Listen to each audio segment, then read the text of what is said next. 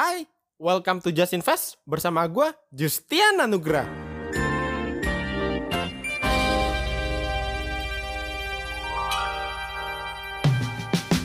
Yap, sesuai namanya guys.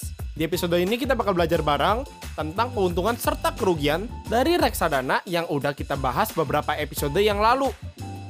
Coba-coba, pengen tahu keuntungan atau kerugiannya dulu? Ayolah jadi nanya sendiri jawab sendiri. Oke, biar gak bosen, yuk kita bahas kerugiannya dulu, baru keuntungannya, oke? Emang gue orangnya gak ngebosenin sih. Hehe. Oh ya, biar nggak juga bahwa kita perlu tahu nih kerugian dari suatu instrumen, baru deh kita cari tahu keuntungannya. Jangan cari tahu keuntungannya doang. Itu mah sama aja kayak bucin. Oke, masuk ke kerugian dari instrumen bernama reksadana. Satu yang paling jelas, yang namanya instrumen investasi itu pasti ada risiko kerugian berupa penurunan nilai dari aset yang kita pegang. Tidak terkecuali reksadana ini. Tapi balik lagi nih, resikonya bisa kecil, sedang, atau besar. Tergantung dari jenis reksadana yang dipilih.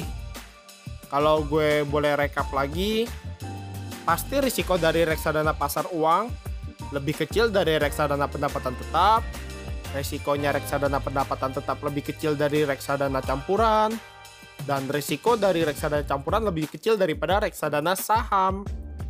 Karena risiko fluktuasi nilai tersebut, itulah kenapa return dari reksadana tidak pasti.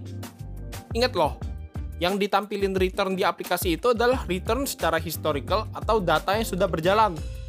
Dan itu bukan jaminan bahwa ke depannya keuntungan kita bakal segitu guys jadi semacam digantungin tanpa kepastian gitu.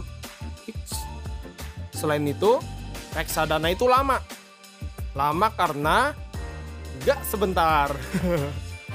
Pulang reksadana itu lama dalam waktu pencairannya.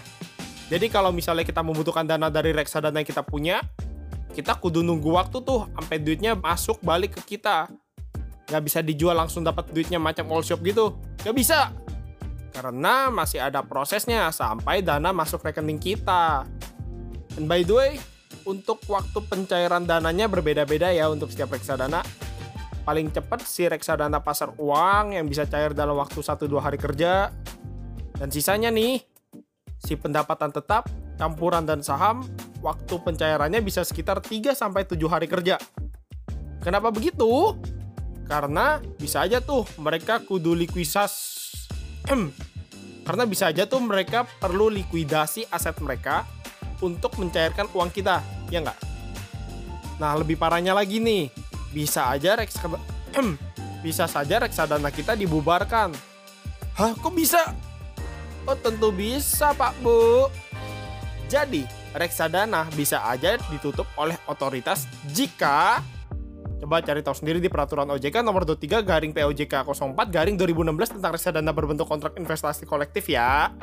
Gua nggak mau kasih tahu. La la la la la. Galah bercanda.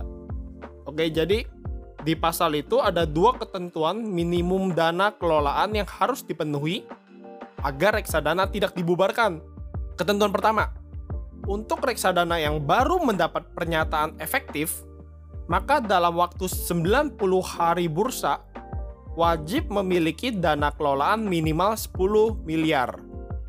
Dengan kata lain, jika reksadana baru gagal mencapai 10 miliar dalam waktu 90 hari kerja sejak mendapatkan pernyataan efektif, maka wajib dibubarkan.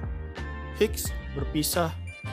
Ketentuan kedua, untuk reksadana yang telah berjalan, apabila dalam waktu 120 hari bursa berturut-turut dana kelolaannya di bawah 10 miliar, maka reksadana juga wajib di wajib ah maka reksadana juga wajib dibubarkan.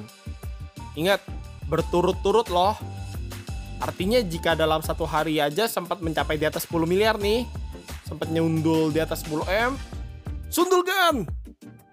Maka 120 hari bursa tersebut akan dihitung ulang lagi. Kalau untuk jenis reksadana syariah, ketentuan minimum dana kelolaan mendapat keringanan yaitu hanya sebesar 10 miliar di mana sebelumnya itu 25 M. Dengan ketentuan ini diharapkan dapat membantu perkembangan reksadana syariah yang secara angka masih relatif kecil dibandingkan reksadana konvensional. Ada satu lagi nih kondisi yang bisa bikin reksadana dibubarkan karena alasan kepatuhan terhadap peraturan, yaitu jika diperintahkan bubar oleh otoritas jasa keuangan. Kondisi ini jujur jarang, namun bisa terjadi apabila manajer investasi dan bank kustodian yang mengelola reksadana tersebut melakukan pelanggaran terhadap ketentuan dan sebagai gang sebagai sanksinya monggo ditutup. Tapi tenang ya guys, pembubaran juga tidak berarti perusahaan manajer investasi dalam kondisi kesulitan keuangan. Soalnya bisa aja nih, manajer investasi mengeluarkan berbagai produk, tapi ada beberapa produk yang kurang mendapat minat dari masyarakat. Iya nggak? Ya dong, kan belum tentu semua produk diminati. Selain itu, bisa aja ada kemungkinan risiko dari sisi manajer investasi yaitu di saat manajer investasi yang merupakan pengelola tidak menjalankan kewajibannya. Karena posisi manajer investasi ini sangat penting. Dan amit-amit kalau kejadian, kemungkinan reksadana tidak bisa berjalan sebagaimana mestinya. Serem ya kemungkinan-kemungkinan risiko yang bisa terjadi barusan. Serem nggak? Woi serem nggak? Hehe. Tapi tenang guys, karena di balik hal-hal serem itu, ada beberapa keuntungan yang bisa dinikmati di reksadana ini. Salah satunya yaitu potensi keuntungan yang tinggi. Di mana potensi keuntungan yang tinggi ini bisa didapat dari reksadana saham.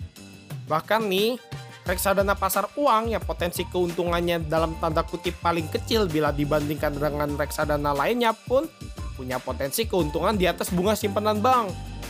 Lumayan banget gak tuh? Selain itu, ingat gak tentang diversifikasi? Yap, reksadana menawarkan diversifikasi resiko karena uang investor disebar ke berbagai instrumen sehingga jika terjadi resiko penurunan nilai, nggak semua nilainya anjlok atau ambiar secara bersamaan. Misal, reksadana saham nih, kan mereka kagak taruh dalam satu saham aja, tetapi mereka bagi-bagi investasinya ke berbagai saham karena dibagi-bagi kayak gitu, resikonya pun jadi semakin mengecil bila dibandingkan dengan cuma taruh di satu saham doang, ya nggak? Jujur lagi, diversifikasi ini susah coy bagi kita ya investor individual karena terbatasnya UIT. UIT, UIT, maksudnya duit ya. Di reksadana, dana yang dikelola adalah hasil kumpulan dari berbagai investor. Sehingga diversifikasi risiko bisa dilakukan secara optimal dengan dana yang terbatas yang kita punya. Selain itu, dana kita juga dikelola oleh manajer investasi yang profesional. Karena adanya manajer investasi yang profesional itu, kita yang mungkin memiliki keterbatasan UIT, keterbatasan pengetahuan, dan kurangnya waktu untuk melakukan analisa investasi, jadi terbantu. Karena mereka memang sudah berpengalaman dan memang bekerja dalam hal pengelolaan portofolio investasi. Keren! Kayak yang gue bahas yang sudah-sudah, kita sebagai investor kudu menilai kinerja dari manajer investasi tersebut. Dan tenang saja, datanya itu transparan kok. Jadi kita bisa membandingkan nih kinerjanya untuk cari-cari manajer investasi yang terbaik.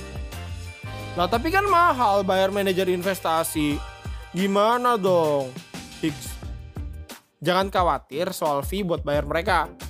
Karena justru it, justru itulah keunggulan reksadana. Karena sifatnya berupa kumpulan-kumpulan investor, maka fee-nya mereka dibagi ke semua investor. Sehingga biayanya menjadi terjangkau. Terus juga nih, dana untuk memulai investasinya kecil loh. Bisa cuma 10 ribu doang ini karena mereka, para penjual reksadana nih, terus melakukan inovasi agar instrumen ini bisa menjangkau ke semua lapisan masyarakat. Salah satunya yaitu dengan terjangkaunya biaya investasi reksadana yang sudah di, yang sudah bisa dimulai dari 10.000 doang. Dan juga kalau mau jual beli gampang. Karena sudah banyak platform online tersedia untuk transaksi reksadana. Yap, mantap gak tuh? Gimana gimana? lumayan jelas lah ya gambaran keuntungan eh gambaran potensi keuntungan dan kerugi ulang gimana gimana lumayan jelas lah ya gambaran potensi kerugian dan keuntungan dari reksadana jadi sudah siap berinvestasi? Yeay, yeay. Sekian dulu pembahasan kita tentang plus minusnya reksadana. Seperti biasa, kalau dirasa bermanfaat jangan lupa di-share ke teman-teman ya guys. Dan kalau nggak dirasa bermanfaat juga tetap kudu di-share. Kalau ada yang mau ditanyain bisa kontak gue via DM atau mau email juga bisa. And thank you so much guys for listening. Hope you're having an amazing day. Stay safe ya semuanya. See you on the next episode and 再见。